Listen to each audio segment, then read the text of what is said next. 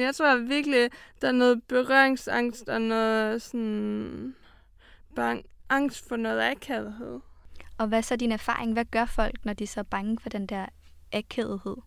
De øh, undgår den.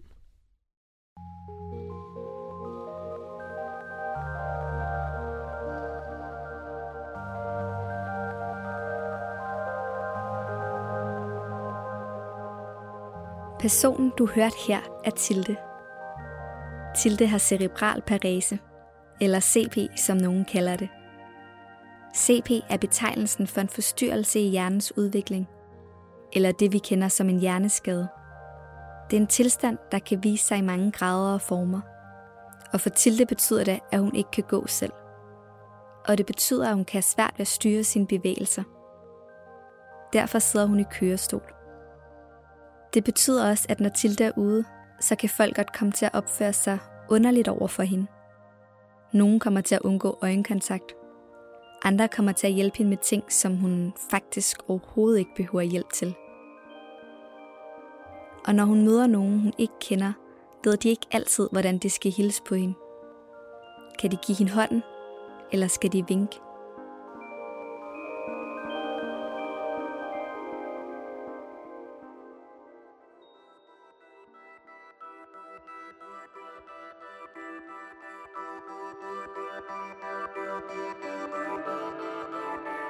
Over de næste fem programmer vil jeg tale med en række mennesker, der på hver sin måde vil hjælpe mig med at undersøge vores forståelse af normalitet og afvielse. Det er derfor, jeg er inviteret til det. Hun må om nogen vide, hvordan det er at være afvigende i forhold til det, som mange nok forstår som normalt. Jeg har også inviteret Tildes veninde Stine. Tilde og Stine mødte nemlig hinanden på Egmont Højskolen i Hår. Og det er en højskole, som nok også afviger fra det, vi normalt forstår ved en højskole. Senere i programmet kommer jeg også til at tale med Peter Lund Madsen, eller Hjernemassen, som han bliver kaldt. Han er hjerneforsker, og jeg håber, han kan hjælpe med at forklare, hvad der sker i hjernen, når man møder et menneske, der på den ene eller anden måde afviger fra det, man forbinder med normalt.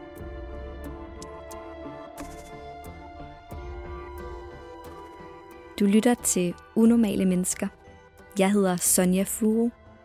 Podcasten er produceret i samarbejde med Strandberg Publishing, og den er støttet af Bevika-fonden i anledning af fondens 150 års jubilæum.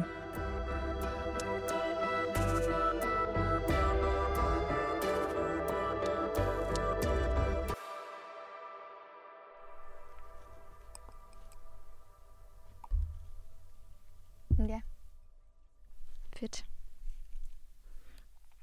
Nå, nu tror jeg, at vi er kommet på plads her i studiet. Jeg tænkte på, Tilde, om du ikke først lige vil fortælle, hvordan du kom herhen? Mm, altså, altså helt fra starten, sådan, fra jeg kommer hjemmefra til. Ja, det, nu havde vi nogle, nogle snakke inden vi skulle mødes, hvor du mm. fortalte, du, du spurgte meget specifikt ind til, om hvor, hvor brede dørene var, og om der var handicap parkeringspladser. Mm, ja, handicaptoilet og sådan noget. Fordi sådan noget bliver jeg jo nødt til at vide, ellers er det jo... Altså sådan, jeg var sådan fedt, der kommer en invitation, jeg vil gerne med, med med en podcast, men jeg bliver jo nødt til at vide alle de her praktiske foranstaltninger. Ellers kan jeg jo ikke være her jo. Og hvad skulle I så tænke over, inden I kommer hen? Mm, for eksempel skulle jeg koordinere med min hjælper, om hun kunne blive længere i dag. Og sådan, det tager jo også... Altså sådan, for mig er det jo ikke bare at køre. Jeg skal også lige ud i bilen, og jeg skal spænde fast med sådan bespændinger i min kørestol, og jeg skal have min drejetårn med, fordi ellers kan jeg ikke komme på, på toilettet og sådan nogle ting, ikke? Så skulle vi også lige gå et stykke fra der, hvor der var en handicapplads, til her, hvor studiet var, og så skulle vi jo lige finde ud af, hvordan jeg skulle komme ind, fordi der var også sådan en lidt høj kant, ikke? Og det er nogle af de ting, man ikke skal tænke på på Egmont. Præcis. Dørene er så brede, både i bogstavelig forstand, men også i menneskelig forstand. Det er jo især det, vi skal tale om i dag, og det er jo derfor, jeg inviterer jer. Tilde Christensen og Stine Flensborg Hansen. Tak fordi I vil komme. Og Stine, du var, var hjælper på Egmont Højskolen, og Tilde, du var elev. Mm. Eller I var begge to Vi elever? begge to elever. Ja. ja. Kan I lige forklare, hvordan det fungerer med den ordning? Altså, jeg var det, man kalder borger. Det vil sige, at jeg har sådan et omfattende hjælpebehov, så jeg skal have nogle assistenter, altså nogle hjælpere ansat på øh, et timeantal. Og sådan, ja, du er assistent. Ja, jeg blev først ansat som assistent, hvor jeg, ja, af, af en, der hedder Thomas. Og så øh, sidenhen i løbet af foråret, der øh, arbejdede jeg øh, for, blev ansat af selve Egmont Højskolen som øh, hjælpelærer. Men Egmont adskiller sig jo fra andre højskoler, når man kommer udefra. Det er halvdelen af eleverne på skolen har et handicap. Kan du prøve at fortælle lidt mere om det, Tilde? Hvad er det, du kunne lave på Egmont, som du ikke har kunne lave ellers? Jamen, alt nærmest. Altså, jeg kan jo virkelig nemt komme ud og bade, for eksempel. Vi har øh, sådan nogle øh, kørestole, som, øh, eller sådan nogle badestole, som kan køre i vand. Og øh, vi har sådan en elevator, så jeg kan komme ud og bade i havet. Og jeg, hvis jeg gerne vil ind i svømmehallen, så kan jeg også prøve at rutsche i rutsjebane, fordi vi har øh, en rutsjebane, hvor du kan tage elevatoren op, og så kan du blive liftet over i der selve, hvor du kører, og så er der jo en, der kan køre med dig ned, og det kan man jo ikke prøve andre steder, for eksempel. Er der andre måder, man kan se, at Egmont er indrettet anderledes? Mm. Jamen for eksempel det der med, altså på Egmont, jo, man kommer med en bevilling på nogle timer, som en assistenter bliver ansat på, men der er aldrig rigtig nogen, der sådan tæller timer, eller sådan, nu har jeg været så og så meget sammen med dig i dag, nu kan du ikke rigtig have mere hjælp. Selvfølgelig giver man den hjælp, øh, vedkommende skal have, og man, altså, du ved, tager lidt og giver lidt, ikke? Og sådan ude i, ude i kommunerne, sådan, nu er jeg selv ret afhængig af hjemmepleje nogle gange, og de er sådan meget, okay, nu har vi ikke mere tid, og sådan er det aldrig på Egmont. Det her kan jo hurtigt godt lyde som en stor reklame for Egmont, men I sagde jo også, at der var nogle udfordringer ved at være deroppe. Jeg tror, at øh, jeg, jeg tror, som Sille sagde, så når man, når man husker tilbage på det, så husker jeg mange af de gode ting, men det var også hårdt. Altså, det er jo også et fuldtidsarbejde, samtidig med, at man er, man er højskoleelev.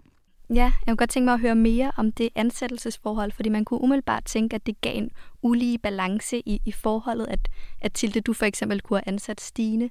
Ja, men jeg tror, det handler meget om det her med, selvfølgelig er der et ansættelsesforhold, men vi går også alle sammen på højskole og gerne vil give noget til hinanden som ligeværdige mennesker.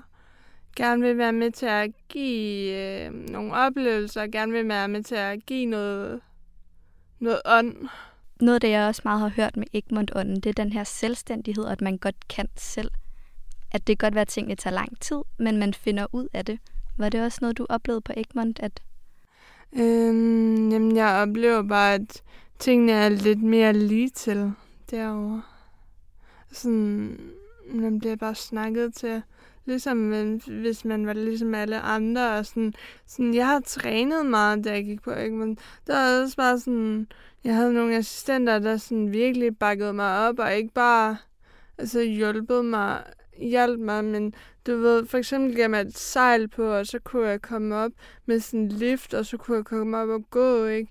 Og sådan, jeg kunne komme i svømmehallen, og jeg kunne komme i sauna, og jeg kunne komme til lille salsfester, og sådan, så er det virkelig også bare sådan en almindelig dak-dak-fest og en fed fredag aften, ikke? som vi alle sammen har på sådan hver vores, med hver vores vilkår, ikke? Ja, selvom der er søndag, så er det bare vodka i søndagen, dem der har. ja. ja, Stine, var der ellers noget, der kunne overraske dig? Altså i måden, man, man tilgår folk? Altså, jeg vil sige, at øh, der, er mange, der var mange oplevelser, hvor, at, hvor man står og, og er overrasket og kigger lidt på hinanden, når man har sådan en hverdag på Egmont. Og jeg vil sige, første gang man kommer ind til sådan en lille salsfest, hvor at der er en med øh, spasticitet, der bare øh, laver bølgen hen over alle mulige hænder fra scenen og nedad. Øh, der, øh, det er altid vildt, eller bliver kastet op og ned i luften. Der er lidt den der med sådan den der håndtering af, der er ikke noget skrøbelighed. Jeg tror nogle gange, at man, hvis man har et handicap ude i samfundet ude omkring Egmont, så kan man måske blive håndteret med en vis skrøbelighed. Den er bare væk. Mm. Øhm, det er bare at blive kastet op og ned. Måske også bare sådan første gang, man ser en, en, øh, en borger ude i kørestolen, sådan, du ved, sådan danse, og man er måske som assistent være bange for, at vedkommende falder, og så sådan 14 dage efter er man måske slet ikke bange for det længere, fordi så er man bare vant til det. Men hvad så efter? Hvad så efter Egmont? Hvad sker der, når man skal tilbage til normalsamfundet? Mm, altså, hvordan jeg bliver mødt og sådan noget. Det med, at, at folk har det med at stige. Ja, man bliver måske sådan set lidt mere som lille, sådan lidt mere som skrøbelig, sådan, du kan ikke noget, og sådan. Så ikke negativt. Folk, de tager bare det der misforståede hensyn, ikke? Og hvad kan et misforstået hensyn være? Øh, jamen, for eksempel, at de sådan måske gør lidt for meget for en, og de skal hjælpe en, i stedet for bare at være tålmodige, eller de sådan, sådan lige så snart der er et eller andet, skal jeg ikke hjælpe dig, i stedet for bare sådan vise tålmodighed, ikke? Og det var måske også noget, det vi oplevede bare, da vi skulle ind i studiet her. Mm. Øh, og, og jeg tænkte, at den snak, vi havde inden du skulle herind, hvor du spurgte, hvor brede dørene var, om din kørestol nu kunne komme ind, og var der handicapparkeringspladser i nærheden. Der er Mm. mange forbehold, du skal tage, Mm. Inden du kommer. Oplevede du det også her, da du skulle ind i studiet? At de hjalp mig lidt for meget, eller hvad tænker du? Ja, jeg tænker, om der var lidt for mange, der Øhm. råbte og spurgte, om du havde brug for hjælp. Øhm, altså sådan, jeg lagde i hvert fald mærke til det der med, at du spurgte sådan lige med det samme, om jeg ikke havde brug for et sugerør, hvor jeg var sådan, jeg kan godt drikke selv. Hvor folk, de måske skulle mere sådan, sig, bare sige til en, um, se hvis du har brug for hjælp, ligesom man man vil gøre til et andet menneske, som måske så lidt ked af det ud i dag, eller lidt træt, ikke? Altså sådan, vi er også bare almindelige mennesker, der har almindelige behov, og vi skal nok sige til, hvis der er noget. Og det er jo super interessant, fordi jeg bliver jo også forleget nu over, at jeg spurgte, om du havde brug for et sugerør. Og igen er det, fordi jeg tænkte, at jeg var høflig, at jeg spurgte, om du havde brug for et sugerør. Men i virkeligheden, så tager jeg et unødvendigt hensyn. Mm. Og hvad, hvad, det, hvad tror du til det, der gør, at folk ikke tager det hensyn op på Egmont, eller ligesom lærer at, at, at være naturlige? Jo, men de tager jo hensyn, men de tager det bare på en anden måde, fordi de lærer mennesket at kende først, i stedet for bare at se handicappet, ikke? Hvordan oplever du ellers det her med, at, at folk måske ser dit handicap, før de ser din person? Nå, mig og min hjælper snakkede faktisk om det tidligere i dag. Altså, hun bliver tit snakket til, når vi er ude at handle, for eksempel, i stedet for mig. Hvor vi snakkede om, at folk er måske bange for, at jeg ikke kan svare eller et eller andet. Altså sådan, jeg tror virkelig, der er noget berøringsangst og noget sådan bang, angst for noget akavethed. Og hvad er så din erfaring? Hvad gør folk, når de er så bange for den der akædighed? De øh, undgår den. Og Eller øh, de stiger, og så er der et lille barn, der stiger, og så siger den der mor, sådan, du må ikke kigge sådan. I stedet for bare spørge, bare kom hen, bare snak til mig, ikke? Jeg vil rigtig gerne snakkes med, jeg vil rigtig gerne fortælle, jeg vil virkelig gerne dele ud af mine livserfaringer, og dele ud af, hvordan det var at være på Egmont. Det er også derfor, jeg er her i dag, altså. Men jeg synes også, at vi skal passe på, eller jeg skal i hvert fald passe på, på med at gøre Egmont til et eventyr, fordi det var også nogle gange en hverdag, og det var også nogle gange hårdt, men det var som om, det, de barriere, som mit handicap ligesom gav, øhm, de var ligesom taget væk, og jeg var bare et almindeligt ungt menneske med almindelige problemer.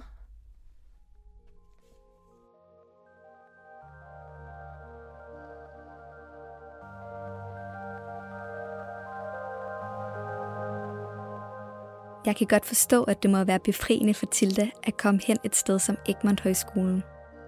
Den er indrettet til, at hun nemt kan komme rundt med sin kørestol. Og så bliver hun ikke mødt af folk, der kigger mærkeligt på hende. Jeg boede selv på Egmont Højskolen en uge i sommer, og der talte jeg med flere elever, der oplevede det samme som Tilde. De fortalte, hvordan de blev klappet på hovedet eller ædet på kinden, som var de børn, selvom de er voksne mennesker.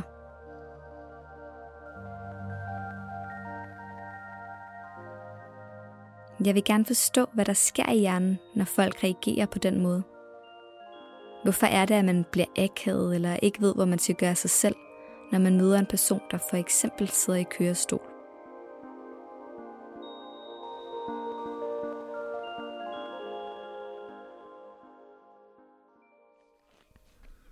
Hej Peter. Goddag. Goddag. Tak fordi jeg måtte ringe til dig. Det var så lidt. Grunden til, at jeg ringer, er jo fordi, at øh, jeg er interesseret i at forstå, hvad der sker i hjernen, når vi møder et øh, menneske, der afviger fra det, vi vil kalde normalen. Hvorfor er det, vi bliver øh, handlingslammet og akavet og ikke helt ved, hvor vi skal gøre os selv? Oh, det er fordi, øh, det der er menneskehjernens største arbejde overhovedet, det er at få sociale, for, øh, sociale situationer til at fungere. Øh, og det gør menneskehjernen ved at lave et meget, meget avanceret analysearbejde af sociale signaler, komme frem til en vurdering af, hvad situationen er, og det omsætter den så til en adfærd, der gør, at det hele fungerer. Og det foregår for en stor del vedkommende ubevidst, og det kører på en hel masse rutiner. Og der skal meget, meget lidt til, at det her system opdager eller oplever, at der er uregelmæssigheder. Mm. Jeg kunne godt tænke mig at høre lidt mere om, hvad der egentlig sker i hjernen. Altså hvilke sådan biokemiske reaktioner er det, der, ja. øhm, der bliver slået til, når man reagerer på den måde? Altså din og min hjerne, den har, den, der er én ting, den gerne vil vide. Og det er, hvad sker der lige om lidt. Den skal være forberedt på, hvad der sker, så den kan træffe den rigtige beslutning. Og det vil sige, at den hele tiden øh, bygger nogen, bygger, laver en virkelighedsoplevelse, og bygger en forventning om til, hvad fremtiden den bringer. Og øh, hvis du og jeg møder hinanden, så vil vi så vil vores hjerner kunne forudsige rigtig, rigtig mange ting, og det vil sige, at vi vil snakke sammen, øh, uden at bruge særligt. Altså det, det vil falde os ret naturligt at snakke sammen, fordi vi kender reglerne. Lige så snart der så opstår noget uventet, så skal hjernen til at analysere situationen meget mere, fordi hvad kan det her være? Hvad kan der ske i denne her situation? Og noget uventet, det kan for eksempel være, at man møder et menneske, som ser ud på en anden måde, end man er vant til. Og øh, så kommer der, fordi vi er sociale, og vi gerne dybest set øh, vil være flinke og venlige, så kommer der alle de her spørgsmål når, øh, om, at man skal lade sig mærke ved det, man skal sige det, man kan hjælpe, man ikke kan hjælpe. Alle mulige ting, spørgsmål, som gør en usikker. Øh, og det her at møde, hvis nu for eksempel, jeg arbejdede engang i et fritidshjem, hvor jeg havde en dreng, der hed Knud, som var blind, og han så også mærkelig ud. Og lige i starten, når man talte med Knud, så var man jo, så var man jo distraheret af, at han så anderledes ud, og han ikke kunne se. Og det tager noget tid før, at det bliver rutine, at hjernen vender sig til at finde ud af at tale med Knud. Det er fuldstændig at tale med, med andre men den skal vende sig til de her nye forhold. Og det er derfor, at man nemt bliver akavet, sådan lidt måske lidt, lidt usikker, hvis man møder folk med handicap, fordi alt det, der så ellers er naturligt, bliver lige pludselig noget, man skal tænke over. Og fordi at man nogle gange er alt for nøs øh, over at bare sige ting, altså tale om det direkte. Så det handler i virkeligheden måske mere om en selv, end om, om den anden person? 100 procent det handler for langt størstedelen vedkommende om en selv.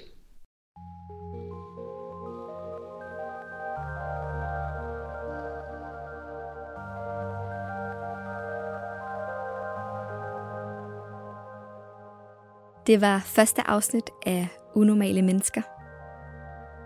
Podcasten er produceret og tilrettelagt af Cecilie Blomqvist. Mit navn er Sonja Furu. Men inden vi runder af, vil jeg gerne give det sidste ord til Tilde. Da hun var inde i studiet, spurgte jeg hende nemlig, hvordan hun ønskede, at folk gik til hende. Og hun svarede sådan her. Folk, de skulle bare snakke til mig. Bare, bare tilgå mig, som om jeg ikke havde noget handicap. Så skal jeg nok selv sige stop, eller sige fra, eller sige til, hvis jeg har behov for et eller andet, ikke? og sådan være sammen med mig på lige fod med, hvordan de er sammen med andre mennesker.